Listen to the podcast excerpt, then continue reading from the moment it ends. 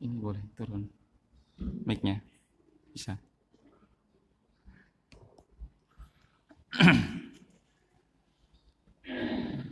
Bismillahirrahmanirrahim. Assalamualaikum warahmatullahi wabarakatuh.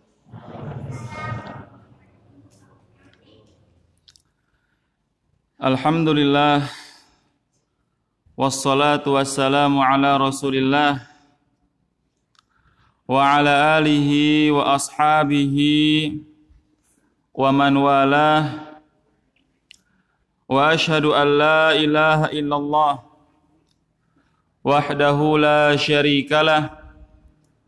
وأشهد أن محمدا عبده ورسوله صلى الله عليه وعلى آله وأصحابه والتابعين وتابع التابعين wa man tabi'ahum bi ihsanin ila yaumiddin amma ba'd. في الدين din rahimani wa rahimakumullah jami'an.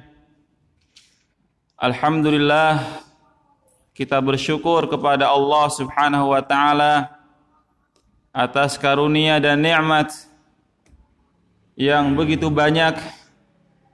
Yang mana ikhwani fi dirahimani wa rahimakumullah jami'an. Wa ma qadarullah haqqa qadrih. Sungguh benar apa yang Allah Subhanahu wa taala firmankan. Wa ma qadarullah haqqa qadrih. Tidaklah manusia menunaikan hak Allah Subhanahu wa taala dengan sebenar-benarnya. Untuk hal yang kecil saja nikmat Allah. Betapa banyak nikmat yang kita lupakan. Betapa banyak nikmat yang kita gunakan untuk kemaksiatan untuk kefasikan dan yang lainnya Khwani fi rahimani wa rahimakumullahu jami'an. Sebelumnya suara cukup jelas ya suaranya. Khwani fi rahimani wa rahimakumullahu jami'an. Pada pertemuan kita kali ini kita akan membahas suatu hadis yaitu adalah tentang kenikmatan iman. Yang mana ikhwani fi rahimani wa rahimakumullahu jami'an. Sungguh sangat jauh antara kita dengan salaf kita yang mana mereka Masya Allah adalah orang-orang yang merasakan bagaimana manisnya iman Khwanifiddin Nabi Muhammad SAW bersabda ya, beliau bersabda pada hadis Muslim dan juga Imam Ahmad rahimahullah taala dari sahabat Anas bin Malik radhiyallahu taala anhu anna Nabi sallallahu alaihi wasallam bersabda bahwasanya Nabi Muhammad bersabda qal thalathatun man kunna fihi wajada halawatal iman ada tiga golongan ada tiga hal ya. ada tiga hal man kunna fihi yang mana apabila tiga hal ini ada pada seorang hamba wajada halawatal iman maka dia akan merasakan manisnya keimanan. An yakuna Allah wa rasulahu ahabba ilaihi mimma siwahuma. Yang pertama adalah ketika seorang hamba menjadikan bahwasanya Allah Subhanahu wa taala dan rasulnya lebih dia cintai daripada selainnya bahkan daripada dirinya sendiri daripada nyawanya sendiri. Kemudian yang kedua wa an yuhibbal mar'a la yuhibbu illa lillah ketika seorang mencintai saudaranya tidak lain dan tidak bukan kecuali semata-mata karena Allah Subhanahu wa taala. Kemudian yang ketiga, wa an yakraha an ya'uda fil kufr ba'da id anqadahu Allahu min kama yakrahu an yukdhafa finnar. Ketika seorang dipaksa untuk keluar dari agama Islam dan dia menolaknya dan dia enggan untuk keluar dari agama Islam setelah Allah Subhanahu wa taala selamatkan dia dari penyimpangan dari kesyirikan sebagaimana dia enggannya dia untuk masuk ke dalam neraka. Ikhwani fid din rahimani wa rahimakumullah jami'an. Hadis ini hadis yang agung menjelaskan kepada kita bahwasannya al-iman keimanan itu memiliki halawah, memiliki manis yang mana ikhwani fiddin rahimani wa rahimakumullah jami'an manisnya keimanan itu tidak akan bisa diketahui kecuali oleh orang yang telah mendapatkannya. Manisnya keimanan itu tidak bisa dijual dan tidak bisa diberikan. Akan tetapi manisnya iman akan diketahui dan dirasakan dan dinikmati oleh orang-orang yang telah mendapatkannya. Sebagaimana para ulama berkata, yang kita semua tahu di antara ucapan para ulama, "Lau ya'lamul muluk wa abnaul muluk ala ma nahnu fih lajaladuna bisuyuf." Kata para ulama, kata seorang salaf, kalau seandainya para raja dan anak-anak raja mengetahui apa yang kami rasakan dari manisnya iman, dari ketenangan iman, dari ketenangan di dalam hidup, ketentraman pada hati mereka. La jaladuna bisuyuf. Sungguh mereka para raja akan menyiksa kita dengan pedang-pedang mereka karena hasad terhadap ketentraman, kenikmatan yang dirasakan oleh para salaf kita. Khawani fi rahimani wa jami'an. Ketika Ibnu Taimiyah rahimahullah taala, kita tahu beliau di penjara, dipindahkan dari satu penjara ke penjara yang lain. Dikatakan kepada Ibnu Taimiyah, "Kaifa laqal adzab?" Ibnu Taimiyah, bagaimana engkau menghadapi siksaan-siksaan ini? Apa kata beliau? Inna jannati wa bustani fi sadri. Ketahuilah bahwasanya surgaku dan kebunku fi sadri ada pada hatiku. In ruhtu fahiya ma'i la tufariqani. Jika aku pergi, maka surgaku bersamaku dan tidak berlepas dariku. Inna sijini siyaha, ketahuilah ketika aku di penjara itu adalah waktuku untuk berkhorwat dengan Allah Subhanahu wa taala. Wa qatli syahadah dan ketika aku dibunuh maka ketahuilah itu adalah syahid. Wa ikhraji min baladi siyahah dan ketika aku diusir dari negeriku itu adalah siyahah bagiku. Khwani fi rahimani wa jami'an. Inilah apa yang dirasakan oleh para ulama dari ketentraman, ketenangan hati mereka walaupun hukuman siksaan yang mereka rasakan sangatlah banyak. Mereka tidak takut. Yang mereka takutkan hilangnya ketentraman ini pada hati mereka. Maka ketika Nabi berdoa mengeluh kepada Allah, apa yang beliau takutkan? Ya Allah, in lam yakun bika ghadabun alayya fala ubali. Ya Rasul, ya Allah, jika semua ini apa semua ini? Jika semua ujian ini, semua siksaan ini, semua celaan ini in lam yakun bika ghadabun alayya jika semua ini bukan karena kemurkaanmu kepadaku fala ubali Aku nggak peduli. Ini kata Nabi Muhammad sallallahu alaihi wasallam. Maka ikhwani fi rahimani rahimakumullah jami'an. Allah Subhanahu wa taala memberikan permisalan keimanan itu seperti sebuah pohon.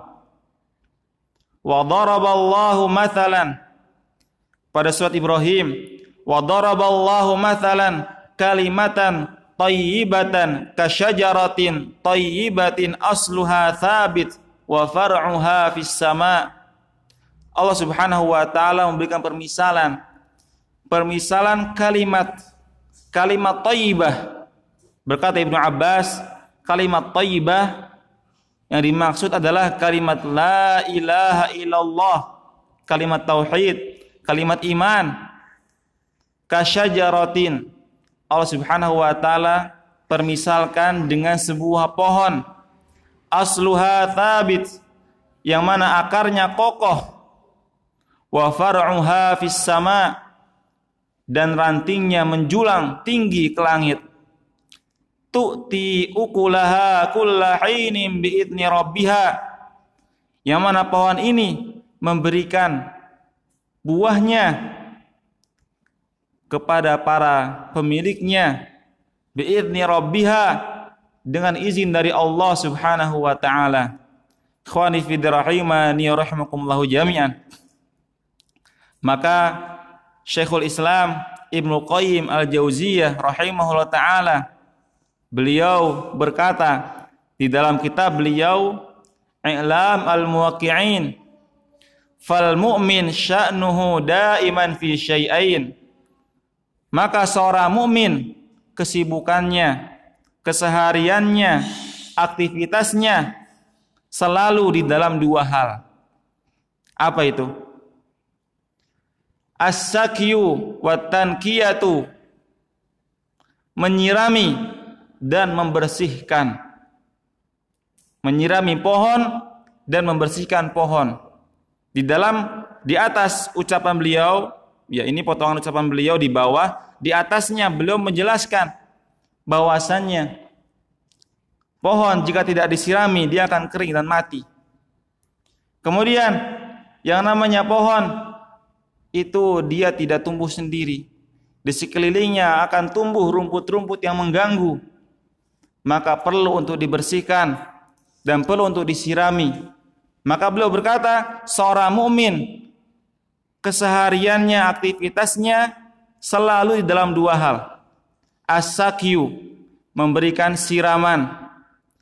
Yang kedua adalah atankiyah, membersihkan.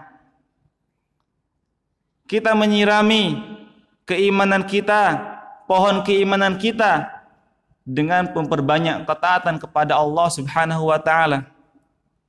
Dan kita membersihkan sekeliling yang ada pada pohon keimanan dengan memperbanyak istighfar kepada Allah Subhanahu wa taala. Khani fi rahimani wa rahimakumullah jami'an. Nabi Muhammad beristighfar sehari nggak kurang dari 70 kali. Fabisakihi maka berkata Ibnu Qayyim rahimahullah taala fabisakiha tadum asyajarah maka dengan menyirami pohon ya menyirami pohon tersebut maka pohon tersebut akan selalu hidup. Wabitan kiyatiha tukmil asyajarah dan dengan membersihkan sekeliling dari pohon tersebut akan sempurna pohon tersebut. Buahnya juga manis, buahnya enak, pohonnya juga bagus. Ya. Khani fi rahimani rahimakumullahu jami'an. ini penting untuk kita perhatikan. Dua hal ini. Seorang mukmin gak boleh lepas dari dua hal ini. Menyirami ya, menyirami pohon keimanan kita. Apa kita kira ketika kita telah memiliki keimanan, keimanan tersebut tidak akan mati. Keimanan tersebut tidak mungkin tercabut. Lah. Nabi Muhammad sallallahu alaihi wasallam beliau banyak berdoa ya muqallibal qulub tsabbit qalbi ala dinik. Apalagi kita. Khani fi rahimani wa rahimakumullah jami'an. Pada sebuah hadis Innal qulub la yasda kama yasdaul hadid idza asabahul ma. Sesungguhnya hati ini bisa karatan sebagaimana karatannya besi jika terkena air. Qalu wa kaifa jilauha? Maka berkata para sahabat, "Ya Rasulullah, bagaimana cara membersihkan karat tersebut?" Qala dzikrullah. Memperbanyak zikir kepada Allah Subhanahu wa taala. Khawani fi rahimani wa rahimakumullah jami'an. Datang atau seorang bertanya kepada Syekh Ibnu Baz rahimahullah taala, "Ya Syekh, ana mu'min." Kata beliau, "Ya Syekh, aku adalah seorang mukmin. Alhamdulillah. Wa qad addaitu manasikal haji wal umrah." Dan aku telah menunaikan ibadah haji.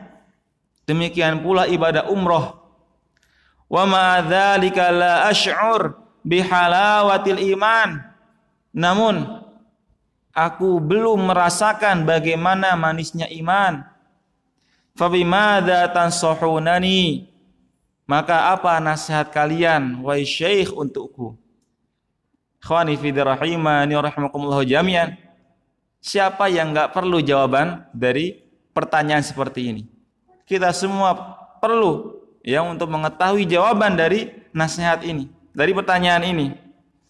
Maka berkata Asy-Syaikh Ibnu Bas rahimahullah taala ya nansauka bi isti'mali ma syara'a Allah jalla wa ala min al-hirs ala ta'ah wa qiraatul Qur'an wal ikthar min dzikrillah fa inna hada min asbab lidauki al-mahabbah wa dauki halawatal iman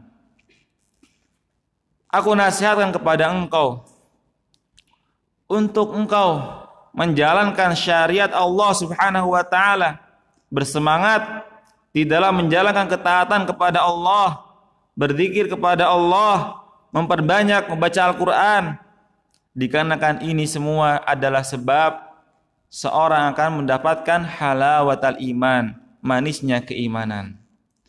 Khawani fi rahimani wa rahimakumullah jami'an. Orang ini telah melakukan ibadah haji dan umroh.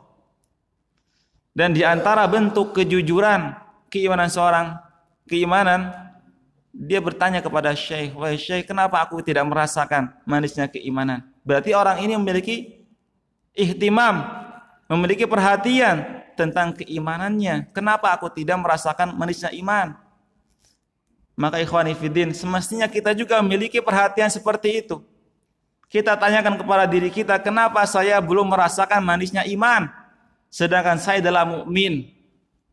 Dari kecil saya mukmin, kenapa saya nggak tidak merasakan manisnya iman? Mungkin ini jawabannya. Kita terlalu melalaikan syariat Allah Subhanahu wa taala. Khawani fi rahimani rahimakumullah jami'an. Kita masuk pada hadis. Ada tiga hal. Jika tiga hal ini ada pada seorang hamba, maka dia akan merasakan bagaimana manisnya iman. Yang pertama, an yakuna Allah wa rasulahu ahabba ilaihi mimma siwahuma. Ketika seorang itu mendapati Allah dan Rasulnya lebih dia cintai daripada dirinya sendiri, daripada selainnya. Khani fi rahimani rahimakumullah jami'an. Nabi Muhammad bersabda, wa ju'ilat qurratu aini fis shalah. Dan dijadikan untukku penenang penyejuk mataku dengan salat. Wa kana idza hamma bi syai'in faz'a ila shalah. Dan Nabi Muhammad jika beliau memiliki gundah gulana kegelisahan fazi'a ila shalah maka beliau bersegera untuk salat.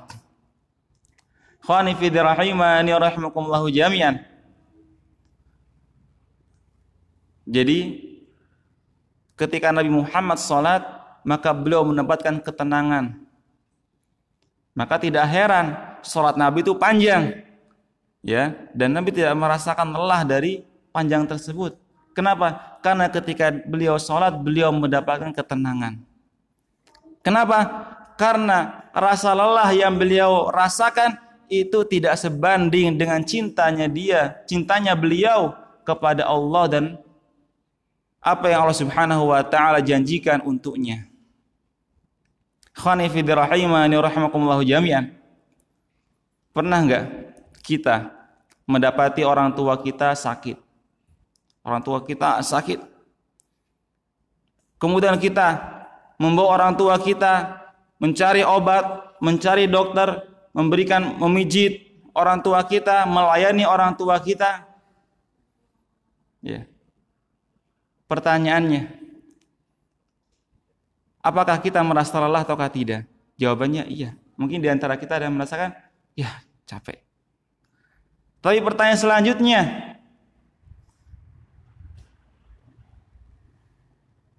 bagaimana perbandingan lelahmu dengan cintamu kepada orang tuamu?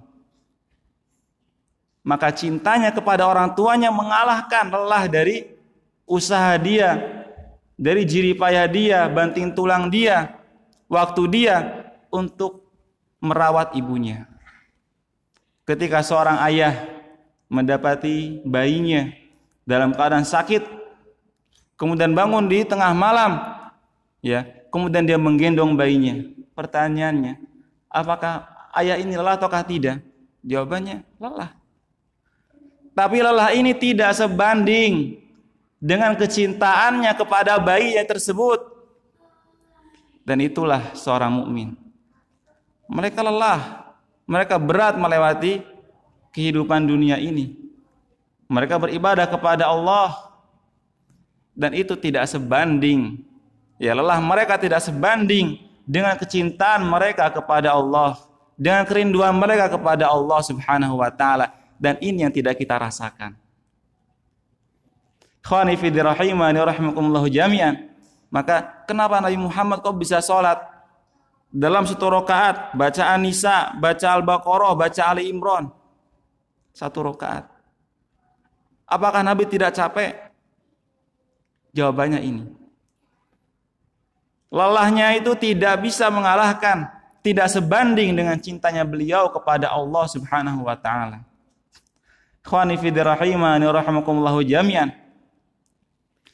Maka benar apa yang dikatakan oleh para ulama ma sabaqakum Abu Bakar bikathratis siyam wala bikathratis salah walakin ma waqara fil qulub. Abu Bakar As-Siddiq radhiyallahu taala anhu mengalahkan siapa pun dari umat Nabi Muhammad. Bukan dikarenakan banyaknya sholat beliau bukan dikarenakan banyaknya puasa beliau akan tetapi apa yang ada patah ada yang apa yang ada pada hati beliau. Khawani fi rahimani rahimakumullah jami'an. Datang so, apa? Ali berkata kepada manusia, "Man asja'un nas manusia, siapa orang paling pemberani?" Qalu anta. Maka orang berkata, "Engkau wahai Ali." Karena Ali jagoan para sahabat. Pada setiap perang tanding Ali selalu maju dan Ali nggak pernah kalah dalam perang tanding satu lawan satu. Maka berkata Ali, Asja'un nas Abu Bakrin. Orang yang paling pemberani adalah Abu Bakar As-Siddiq radhiyallahu taala anhu. Beliau sangat mencintai Nabi Muhammad. Sebelum Islamnya Abu Hamzah, sebelum Islamnya Umar, siapa yang menolong Nabi, siapa yang menjaga Nabi? Abu Bakar As-Siddiq. Beliau adalah seorang yang kurus, bukan orang yang kekar, orangnya kurus. Pernah beliau dikeroyok, dihajar sampai ya orang-orang mengira beliau telah meninggal. Ketika beliau bangun dari dari pingsannya, apa yang beliau katakan? Ma fa'ala Rasulullah ya ummi wa ibuku apa yang di, apa yang wa ibuku bagaimana keadaan Rasulullah? Beliau dihajar, di, dikeroyok karena menolong Rasulullah. Ketika beliau bangun siuman dari pingsannya, apa yang beliau katakan? Wah ibuku, bagaimana keadaan Rasulullah? Kalau bukan karena cinta yang besar untuk Rasulullah, nggak mungkin seperti ini. Ketika manusia, ketika Nabi Muhammad bingung, bagaimana meyakinkan manusia bahwasanya beliau pada satu malam beliau ke Baitul Maqdis, kemudian ke langit. Ya, kalau kita mendengar seperti itu, mungkin belum tentu kita akan percaya ya dan pada pada hari itu itu adalah hari yang berat untuk Rasulullah, demikian pula berat bagi para sahabat. Kenapa? Karena hal ini digunakan oleh orang-orang kafir untuk senjata mereka. Lihatlah orang ini, bagaimana mungkin seorang dalam satu malam ke Baitul Maqdis kemudian ke langit yang ketujuh, kemudian kembali dalam satu malam saja. Khani fi rahimani rahimakumullahu jami'an. Orang-orang bingung. Nabi Muhammad juga dalam keadaan tertekan karena tidak ada orang yang mendengarkannya kecuali mengatakan engkau berdusta, enggak mungkin.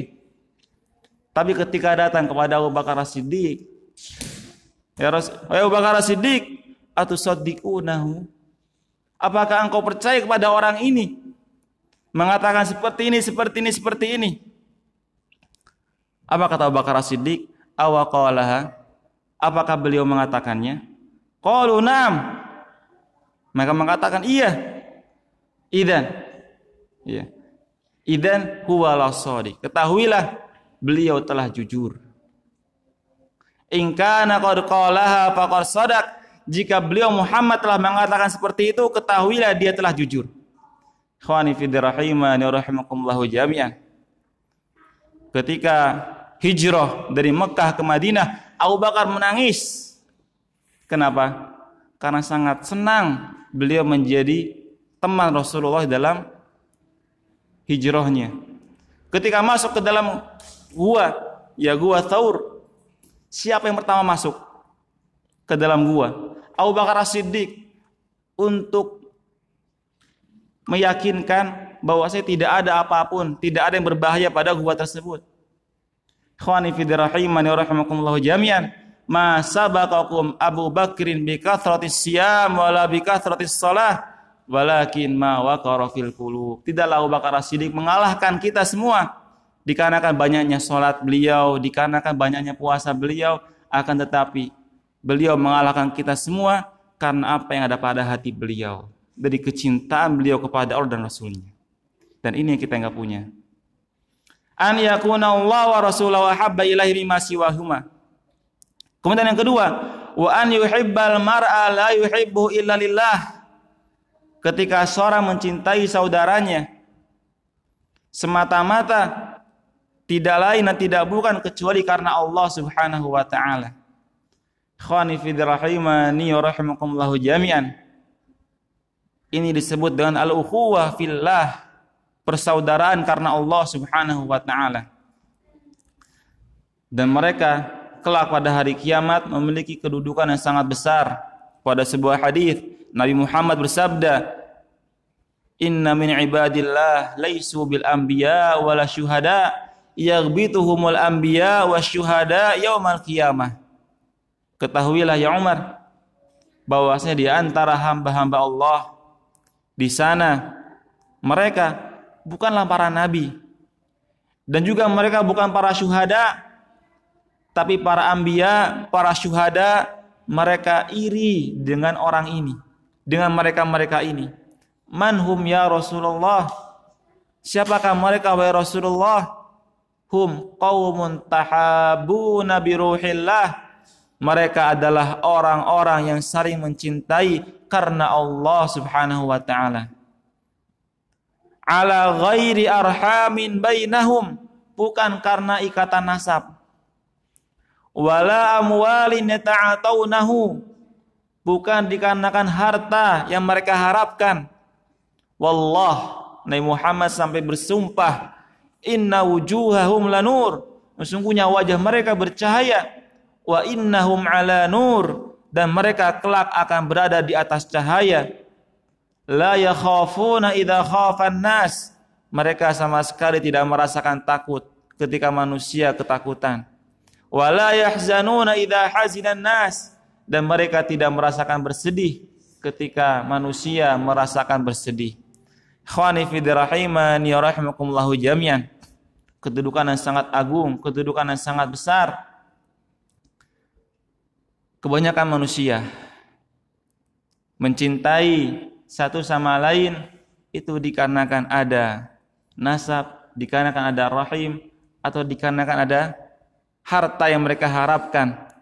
Khawani fi rahimani rahimakumullahu jami'an, ketahuilah ini semua fana. Ini semua tidak berarti di sisi Allah Subhanahu wa taala jika seorang mencintai seorang dikarenakan ad-dunyawiyah. Jami'an. Maka di antara bimbingan Rasul kepada kita apa itu? Mencintai orang-orang miskin. Dan mencintai orang miskin itu berat. Enggak mudah. Kalau mencintai orang kaya gampang. Sangat gampang. Tapi kalau mencintai orang miskin itu berat. Maka di antara doa Rasul, maka ini kita juga perbanyak doa Rasul. Doa ini. Allahumma inni as'aluka fi'lal khairat. Ya Allah, aku minta kepadamu fi'lal khairat, amalan-amalan kebaikan. Wa tarkal munkarat dan meninggalkan kemungkaran-kemungkaran. Wa hubbal masakin dan ya Allah, aku minta kepadamu, tumbuhkanlah pada hatiku kecintaan kepada orang-orang miskin. Wa antaghfira lana wa tarhamana. Dan ya Allah, aku minta kepadamu untuk kau memaafkan aku dan mengampuni diriku. Khawani fi rahimani rahimakumullahu jami'an. Ini. Sampai-sampai Nabi Muhammad berdoa supaya ditumbuhkan pada diri beliau kecintaan kepada orang miskin. Kenapa? Karena mencintai orang miskin itu tidak ada yang diharapkan darinya. Kecuali kalau seorang itu mengharapkan darinya kecintaan Allah Subhanahu wa taala. Khani fi rahimani wa rahimakumullahu jami'an. Nabi Muhammad bersabda, "Ahabbul a'mali ila Allah sururun tudkhiluhu ala muslim. Sebaik-baik amalan adalah ke, engkau membuat saudaramu bahagia. Au taqdi anhu atau engkau melunaskan hutangnya. Au takshif anhu kurbah atau engkau melapangkan kesempitannya. Wallah demi Allah la'an amshi ma'a akhin fi hajatin ahabbu ilayya min an a'takif fi hadzal masjid syahra. Aku berjalan bersama saudaraku untuk menunaikan hajatnya saudaraku. Ini kata Nabi. Lebih aku cintai daripada aku berintikaf di masjid ini selama satu bulan. Masjid Nabawi. Masya Allah. Ikhwani fi rahimani rahimakumullahu jami'an. Ini ya bagaimana Rasul sallallahu alaihi wasallam kemudian selanjutnya ketika kita melihat tetangga saudara kita membutuhkan ya orang sama muslim ya. Nggak harus saudara senasab. Seorang muslim membutuhkan sakit atau bahkan tetangganya. Kemudian kita menutup mata kita. Kemudian kita acuh tak acuh ketahuilah. Itu akan ditanya. Kita mungkin lupa, tapi itu Allah Subhanahu wa taala ingat. Pada riwayat Muslim, Nabi Muhammad bersabda pada hadis qudsi, yaqulullah berkata Allah Subhanahu wa taala, "Ya ibnu Adam, maritu falam ta'udni." Wa ibnu Adam, aku sakit, kenapa engkau tidak menjengukku? Siapa yang enggak heran dengan pertanyaan seperti ini? Ya Rabb wa kaifa a'uduka wa anta rabbul alamin? Wahai Allah, bagaimana aku akan menjenguk dirimu sedangkan kau adalah Rabbul Alamin. Apa kata Allah? Ama arifta anna abdi fulan marido falam ta'udhu.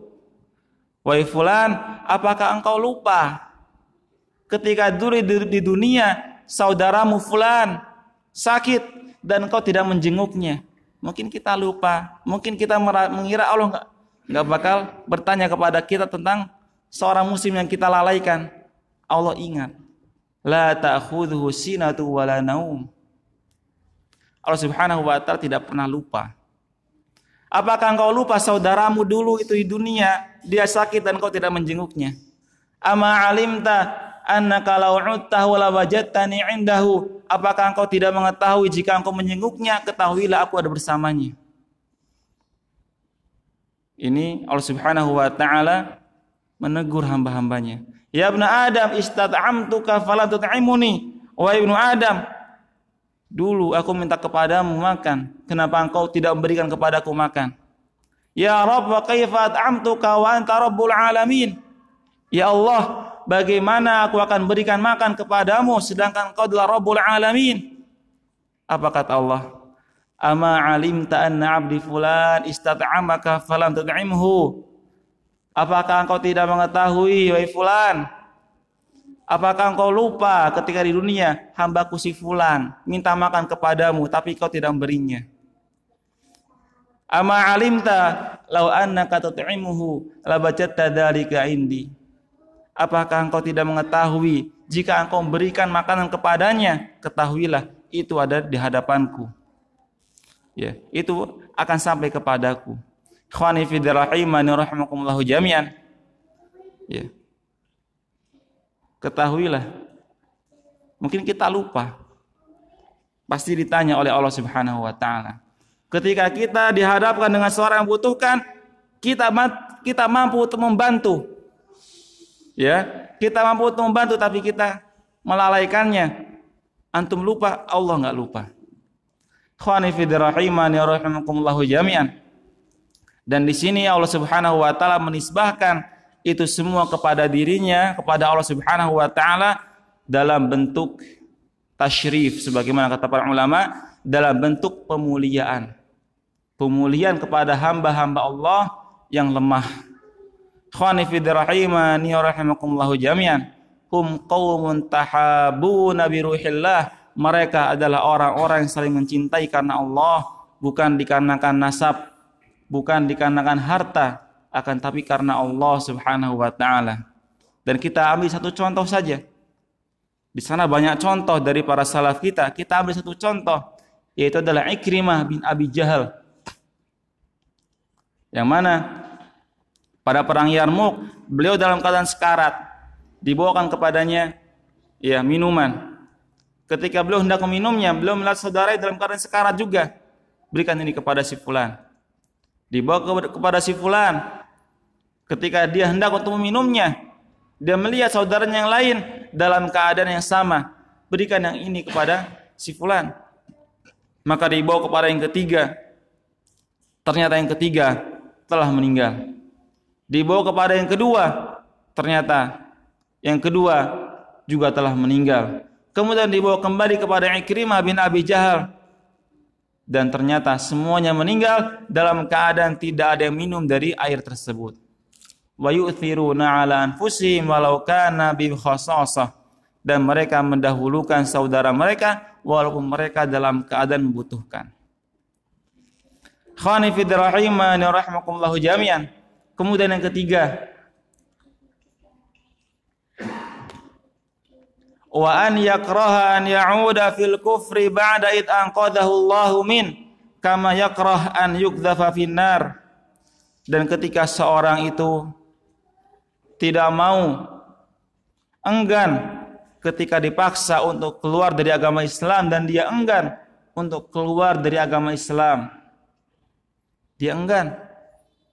Setelah Allah Subhanahu wa taala selamatkan dirinya sebagaimana dia enggan untuk masuk ke dalam nerakanya Allah Subhanahu wa taala. Khani fi rahimani rahimakumullah jami'an. Kita ketahui siapa itu Bilal bin Rabah muadzin Rasulullah sallallahu alaihi wasallam seorang yang telah disaksikan akan menjadi penghuni surga. Beliau disiksa oleh Umayyah bin Khalaf, ditimpa oleh batu. Maka ditanyakan kepada Bilal, "Wahai Bilal, bagaimana engkau menghadapi siksaan-siksaan yang begitu berat tersebut?" Apa kata beliau? "Mazajtu halawatal iman." Pada saat itu aku merasakan manisnya iman fa'adabat al-iman syiddatul adab maka manisnya iman mengalahkan menghancurkan sakitnya yang aku yang aku rasakan. Ya seperti tadi contoh tadi ketika kita punya bayi sakit kita harus bangun tengah malam berjam-jam kemudian tidak bisa ditolong kita bawa ke bidan kemudian kita harus pinjam ke sana ke sini. Apakah capek? Capek.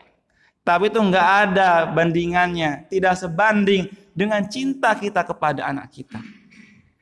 seorang muslim seperti itu. Keadaannya dengan Allah dan Rasulnya dan kita. Masya Allah. Belum punya seperti itu. Ya. Khawani fi rahimani rahimakumullahu jami'an. Wa nadhkur kisah dan kita akan datangkan sebuah kisah dari Ibnu Abbas radhiyallahu anhu yang diriwayatkan oleh Imam Ahmad. Kisah di malam Isra wa nukhtim. Dan kita tutup pertemuan kita dengan kisah ini. Bentar ya. Akhir kita cukupkan dengan kisah ini ya. An Ibnu Abbas radhiyallahu taala anhu dari sahabat Ibnu Abbas radhiyallahu taala anhu. Nabi bersabda, "Lamma kanat al-lailah allati usriya fi fiha" Di malam yang mana aku dibawa ke Baitul Maqdis. Atat raihatun thayyibatun maka datanglah kepadaku sebuah aroma yang wangi. Fakultu ya Jibril ma hadhi raiha. Maka berkata maka berkata Nabi Muhammad, "Wahai Jibril, aroma apa ini? Aroma harum apa ini?" Qala, "Hadhi raihatu masyitatu ibnati Fir'aun wa auladuha." Ini adalah haromanya masyitah tukang sisir putrinya Fir'aun.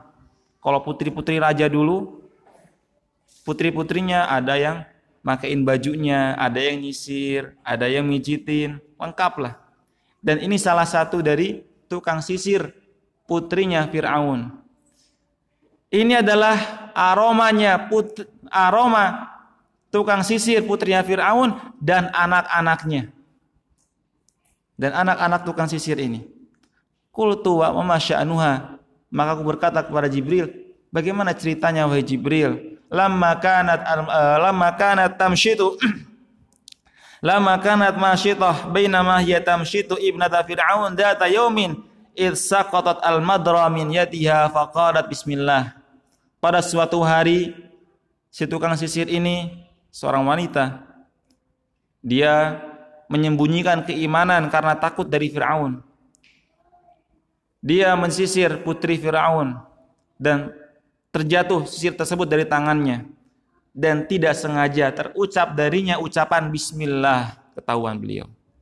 Ketahuan dia beriman. Qala abi maka berkata anaknya Firaun apakah yang kau maksud adalah adalah ayahku? Qala la tidak.